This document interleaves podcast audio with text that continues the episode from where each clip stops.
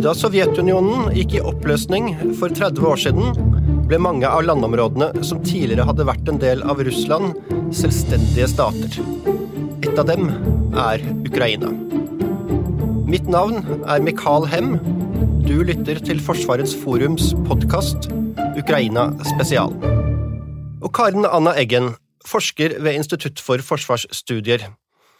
Krigen i Ukraina har vart i nesten fire måneder. Hvordan synes du at det går for Russland så langt? Du kan jo si at uh, det går bedre for Russland nå enn det så ut som det ville gjøre uh, i den innledende fasen av krigen. Uh, Putin har et mål om å om regimeskiftet i Kyiv, at det skulle skje raskt, bare noen dager. Så de sendte spesialstyrkene sine langt inn i ukrainsk territorie, inn i Kyiv, og mista på veien både veldig mye av sine topptrente elitesoldater, uh, i tillegg til at de ikke lykkes, lyktes da i sitt overordna politiske mål om å endre regimet, uh, eller endre da ledelser i, i Kyiv. etter det så har de, og over tid, så har de jo endra endra, om ikke de overordna målsetningene sine, så har de eh, omgruppert og omstruktert, samla styrkene sine og gått for den mer klassiske, gjenkjennelige, territorielle eh, krigføringa, hvor de eh, i dette tilfellet, da, i Danbass-regionen, med det mål for øye og eh, i første omgang eh, ta over eh, sikre territoriell kontroll i Donbas. Eh, ved at de da eh, kjører på med alt de har av artilleri, luftbombing, eh, rykker litt fram. Og så bomber de seg litt sakte, men sikkert framover og lenger inn i ukrainsk territorie. Og det har jo vist seg å være gi større suksess enn det første i den innledende fasen av krigen skulle tilsi. Så, men så klart, de har mista veldig mange soldater. De har mista veldig mye utstyr. De, det er vanskelig å tro at Putin og de som sitter i ledelse, er fornøyd med at til og med de små byene i, Lugan, i Danetsk og Lugansk er kjempevanskelig å ta. Um, men de har nok et, eh, et, mer langsiktig mål. De bryter seg så mye om de taper, så lenge de kan sikre en seier på sikt. Og Vladimir Putin har jo snakket om å gjenreise Russland som en stormakt helt siden han kom til makten for 21 år siden. Hva legger han i det? De uttalelsene og den visjonen av ikke bare hva Russland skal være, da, men òg Putins plass i russisk historie, eh, er jo ganske Det er en sammensatt Eh, forklaring eh, hvis du skal kunne skulle virkelig gå inn og dekke alt, men en del av det kan du jo spore tilbake til Sovjetunionens fall, som du nevnte innledningsvis. Uh, hvor den ideen om uh, kollapsen av Sovjetunionen har gått fra å være noe som skjedde med Russland, til noe Vesten har gjort mot Russland. Og de her tankene og ideen om vestlig Uh, om et Vesten, og særlig da USA-leda Vesten. Um, et, deres ønske da om å holde Russland ned og svakt Jeg har jo vært en av de um, Hva skal si uh, Et av de underlagene som Putin har brukt hver gang han snakker om Russlands rettmessige plass i verden. og det han mener med det, er jo òg at Russland er historisk en stormakt. Det er et land med rettmessig og historisk rett til visse landområder, til interessesfærer, til å bli hørt på i internasjonale fora. Og, som er et litt sånn interessant og viktig poeng, at fordi i det å være en stormakt, så ligger det òg i russisk forståelse um, en, um, at du skal få lov til å gjøre det du vil. Du trenger ikke å følge alle spillereglene som de andre må følge. Du har lov til å bryte dem noen gang. De refererer jo veldig ofte til USA, da. Uh, i, som et bevis på at det her er tilfellet. Men um, Men ja, Putin har siden han kom til makta, brukt mye tid, krefter, energi på å både danne det narrativet om Russland som stormakt, og på å bygge opp landet økonomisk, militært. Uh, I tillegg til at du har ikke sant, den samlinga innad i landet hvor du sensurerer og kontrollerer medielandskapet. Um, du, du, uh, du, du, blir promotert hvis du er lojal, ikke sant? Du sikrer den lille kretsen rundt deg. Holder de ulike sikkerhetsapparatene i sjekk. Um, og, og, som vi jo ser nå, uh, går fram som du da ønsker internasjonalt òg. Har Putin eh, tanker om å gjenopprette det russiske imperiet? Det Putin sjøl bruker, er eller har brukt, er det uttalelser om å gjenforene det historiske Stor-Russland. Han har jo unngått det imperialistbegrepene. Imperialist men du kan jo si at en del av de uttalelsene som har kommet nå i det siste, tyder jo òg på at eh, at han sjøl begynner å ta i bruk, om ikke eksplisitte ordet, så begynner han jo å omtale eh, sine ambisjoner på en måte som ikke kan leses inn i noe, noe annet bilde enn at det her er imperialistiske ambisjoner. Uh, det eh, Særlig måten de snakker om Ukraina på, og, og at det ikke er selvstendig, at det er rettmessig Altså, det her er Russland tar bare tilbake det som rettmessig er sitt. Og én ting er jo da Uk Ukraina, som er det landet som i aller høyeste grad kjenner mest på det nå. Men det er jo òg ikke til å stikke under stol at det òg gjelder det landmessige. Og de territorielle rettferdiggjøringa gjelder jo òg egentlig flere land. hvis du tenker landområder både i Finland, i de baltiske landene, Polen.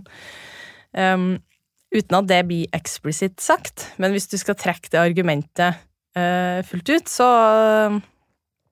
uh, Så er det i hvert fall vanskelig å ikke begynne å se konturene av eh, faktiske imperialistiske ambisjoner. Tidligere statsminister og president Dmitrij Medvedev sa nylig at det er ikke sikkert Ukraina eksisterer om et par år. Hva mener han med det? Jeg er litt skeptisk til å, å legge altfor mye i sånne uttalelser, særlig fra uh, personer som Medvedev og den tidligere statsministeren og Rogozin, som er Medvedev var, har jo ikke alltid vært så ekstrem i sine uttalelser, men de tingene han har sagt, særlig etter annekteringa av Krim og uh, storinvasjon 24. februar, er ekstremt til og med i en, en russisk uh, russisk sammenheng. Så jeg ville ikke lagt altfor mye i det, annet enn at det føyer seg inn i et større bilde av den undermineringa av Ukraina, av, um, av den måten å omta landet på som en del av Russland, og som et land som ikke egentlig er suverent, men en, eh, en russisk, et russisk koloni... Um, koloniområde. Eh, så det, det feier seg inn i det større bildet eh, av hvordan Ukraina eh, omtales, og som jo har blitt gått mer og mer i retning da, av en fullstendig underminering av Ukrainas suverenitet. Mm.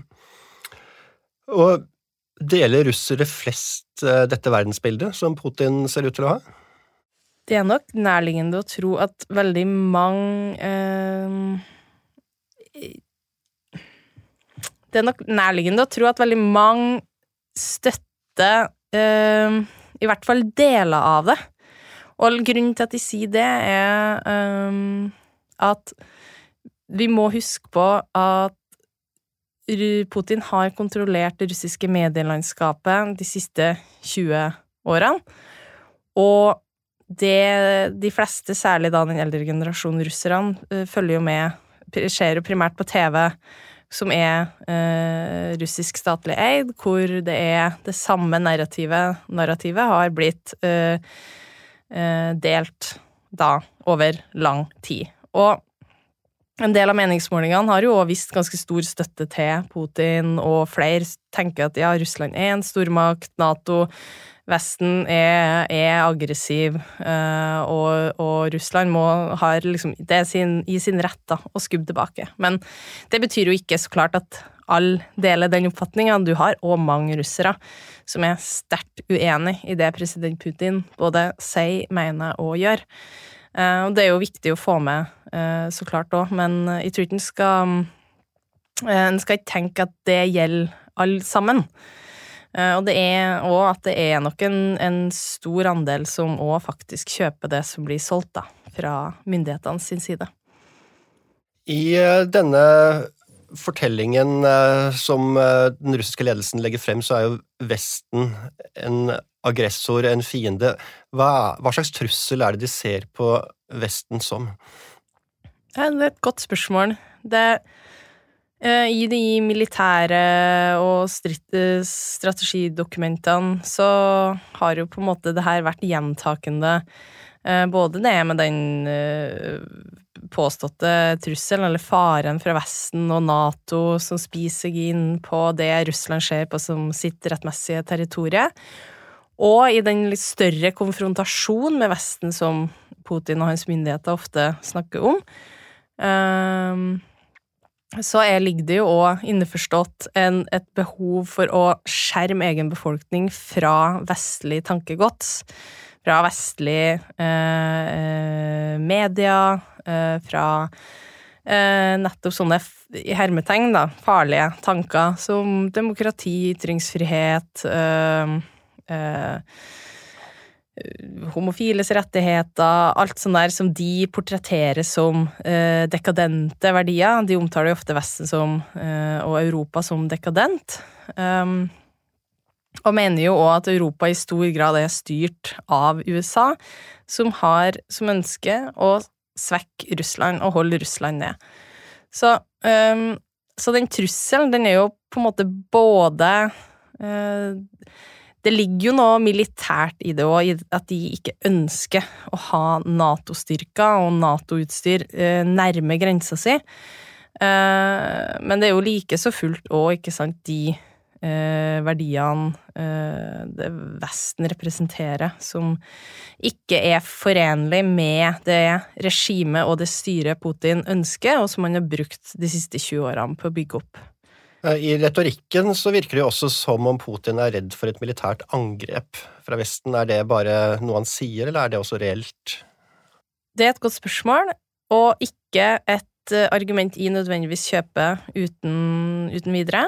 Det mm, Jeg tror ikke Jeg tror nok den um, Den Nato-trusselen handler mer om eh, interessesfærene og de områdene eh, Putin ønsker å ha eh, kontroll over. Eh, og jeg tror ikke det handler om en faktisk frykt for at Nato vil gå inn uprovosert eh, i, i, Russland. Og eh, det er, det er, veldig vanskelig, og selv om de jo de snakker om denne trusselen, men eh, veldig mye tyder jo nå på at det kanskje ikke er helt det de er redd for. Og det handler jo òg om den måten de velger å gå fram, de truslene de velger å, å framsette. Og eh, de vet at eh, Nato er ikke interessert i å komme i en direkte konfrontasjon eh, med Russland. Russland er heller ikke interessert i det. Og de vet at de kan holde denne krigen i Ukraina lokal. Uh, fordi Og det har de jo på en måte òg fått rett i. Uh, de Og til og med våpen send, Altså at Nato, og, eller Nato-land, sender så mye våpen til Ukraina uten at det fører til større uh, reaksjoner, er jo òg et tegn på at det kanskje ikke var så eh, viktig, det her Nato-våpen og farlige spørsmålene, som en kanskje i utgangspunktet kunne få inntrykk av, da, hvis du bare tar russisk, eh, russiske uttalelser for god fisk. Hva er eh, Norge og Nordens plass i det russiske verdensbildet? Vi skal nok ikke overdrive vår uh, viktighet i det større bildet. Uh, tror ikke uh, Russland har jo vært opptatt av å fremstille Norden som en fredens region, her er det samarbeid og dialog som gjelder. Um, I tillegg til at du etter særlig 2014 da, har sett en, um, en økt uh, både en, uh, så klart og Nato-tilstedeværelse, men òg som følge av russisk annektering av Krim og uh, mye dårligere relasjoner mellom Russland og, og Vesten. Um, men i det så ligger det jo òg um, et viktig uh, erkjennelse av at uh, Russland, når de ser på Norden og, og, Norge, ikke minst, så ser jo de uh, i hvert fall fra hvis de tar på seg sine sikkerhetspolitiske bilder, så ser de Nato og USA. Um, det er det som gir tyngde til på en måte deres um, tilnærming. Uttalelsene, du ser jo det, det er ofte så hektes det på Eh, altså kritikk da gjerne hektes jo på at er, vi er styrt av amerikanerne og, og Nato, og at det er eh, At vi har, eh, ved å da eh, bli del av sanksjoner mot Russland, eh, og økt vårt samarbeid med USA og innad i alliansen og mellom eh, de nordiske landene òg, utvise aggressiv og, og russofobisk antirussiske holdninger. Eh, det er jo ikke et argumentasjon som bare gjelder for Norge, men for de fleste land som har valgt å, å, å stille seg på linje da, med Nato i, i, i møte med, eh, med russisk eh, aggresjon, særlig over, overfor da, sine naboland. Eh, men vi, vi, ses i det større bildet, vestlige bildet. Og så vil jo det her Det her får jo stor betydning for Norge og, og, vårt forhold til Russland. Det ser vi eh, allerede. Og så blir det jo eh, interessant å se hvordan den veien vil bli gått opp eh, videre. Mm. Hvordan er eh, den russiske fortellingen om Ukraina som en del eh, av den russiske interessesfæren eller imperiet, eller hva man skal kalle det? Og har det endret seg i forkant og under invasjonen? Altså, Russland eh, Putin har jo snakka om eh, Om eh, på en måte den ukrainske Du kan si i hvert fall de siste 15 årene, så har jo, har jo det bildet av Ukraina som en del av russisk interessesfære, og, og nå da som en del av Russland, um, det har jo ligget der fast. Uh, og det handler jo litt om, om historia til uh, Kyiv. Og uh, litt som det Putin pleier å si, er jo at, at Kyiv er alle, alle russiske byers mor. Som er en feilsitering av et sitat som egentlig refererer til Rusriket, som jo er opprinnelser til ja, og Russland, men også Ukraina og Hviterussland. Eh, men eh, det har eh, for på en måte russisk legitimering og underlegging av territorier rundt seg, så har det vært viktig å, å, å bruke da det her opprinn moder, moderstaden som en, en, et utspring da for Hva skal jeg kalle det? Både det, det, religiøse, altså den uh, russiske kirka, men òg som opprinnelsesstaden til, til Russland. Så, så, du kan jo si det har, det har historisk uh, betydning. Også i moderne tid så uh, Du kan jo ikke på en måte se de, se de isolert. Det må jo ses i sammenheng, men det er særlig kanskje de siste 15 åra at den, det Ukraina-spørsmålet i større og større grad da, har fått tatt uh, plass i, i Putins uh, verden, og uh, rettferdiggjøring for å sikre kontroll og innflytelse i landet. Ja, for Putin har jo flere ganger sagt at Ukraina egentlig ikke er et land. Mm. At det er og med det mener han at det bare er en del av Russland?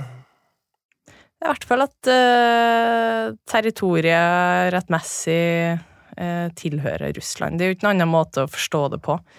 Uh, og så stemmer jo Vil i hvert fall jeg mene at det ikke stemmer, men i det russiske verdensbildet, så er det tilfellet. Og det, det har de brukt mye tid og krefter på, og, og få fram i historiebøker eh, og diverse andre ting som de jo jobber aktivt med å skrive om, for å passe inn i deres eh, verdensbilde og rettferdiggjøring av sine handlinger. Mm. Eh, som du sa tidligere, så har eh, Russland eh, altså, nedskalert operasjonen sin og ikke lenger forsøker å ta Kiev, men konsentrerer seg om noen områder i øst i Ukraina. Og flere har jo tatt til orde for at man kanskje må inngå en avtale med Russland der Ukraina avstår noen territorier i øst. Hva tror du om en sånn løsning? det tror jeg å lese uh, Russland som aktør uh, feil.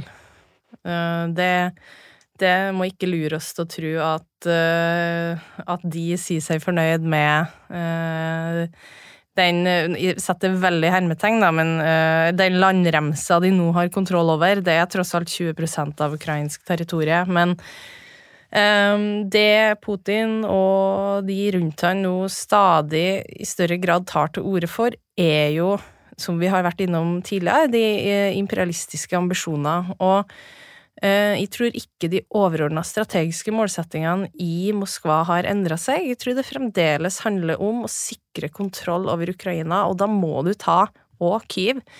Og um, i det så ligger det jo òg da implisitt uh, et argument om at ved første høve, hvis de får mulighet, hvis de nå klarer å, uh, å spise seg framover og ikke går tom for uh, missiler, artilleri, alt mulig rart, det, så vil de ved første høve igjen prøve å ta Kyiv.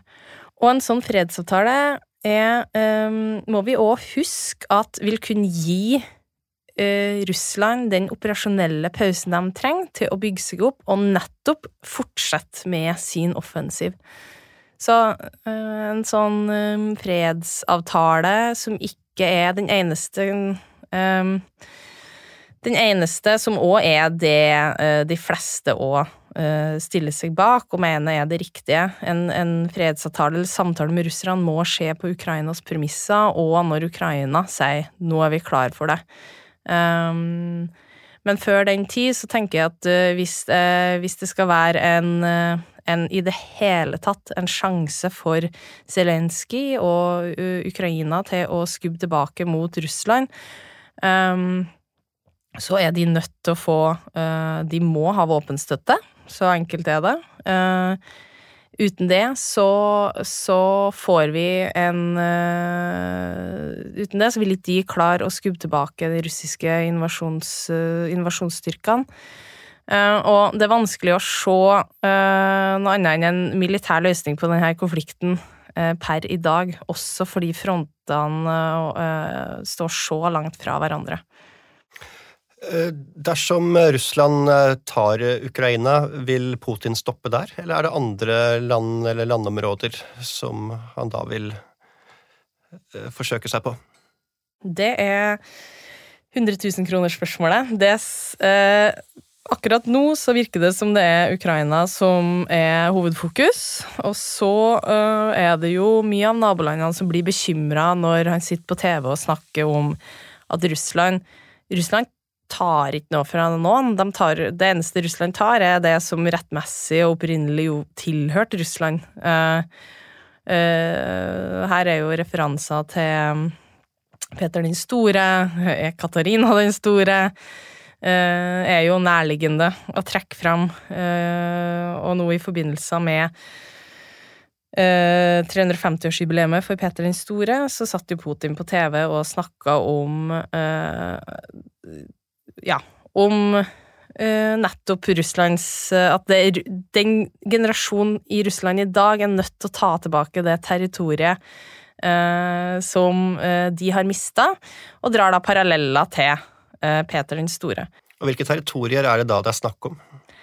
Det var litt som vi var innom tidligere. Um, det er jo fort å begynne Hviterussland har det jo allerede relativt grei kontroll på, men de baltiske landene, Polen, Finland, eh, Georgia eh, kan jo bare tenke litt på hvilke landområder historisk eh, som Russland på et eller annet tidspunkt har, eh, har vært borti, vil jo de kunne finne historiske begrunnelser for å si at vi skal ta òg.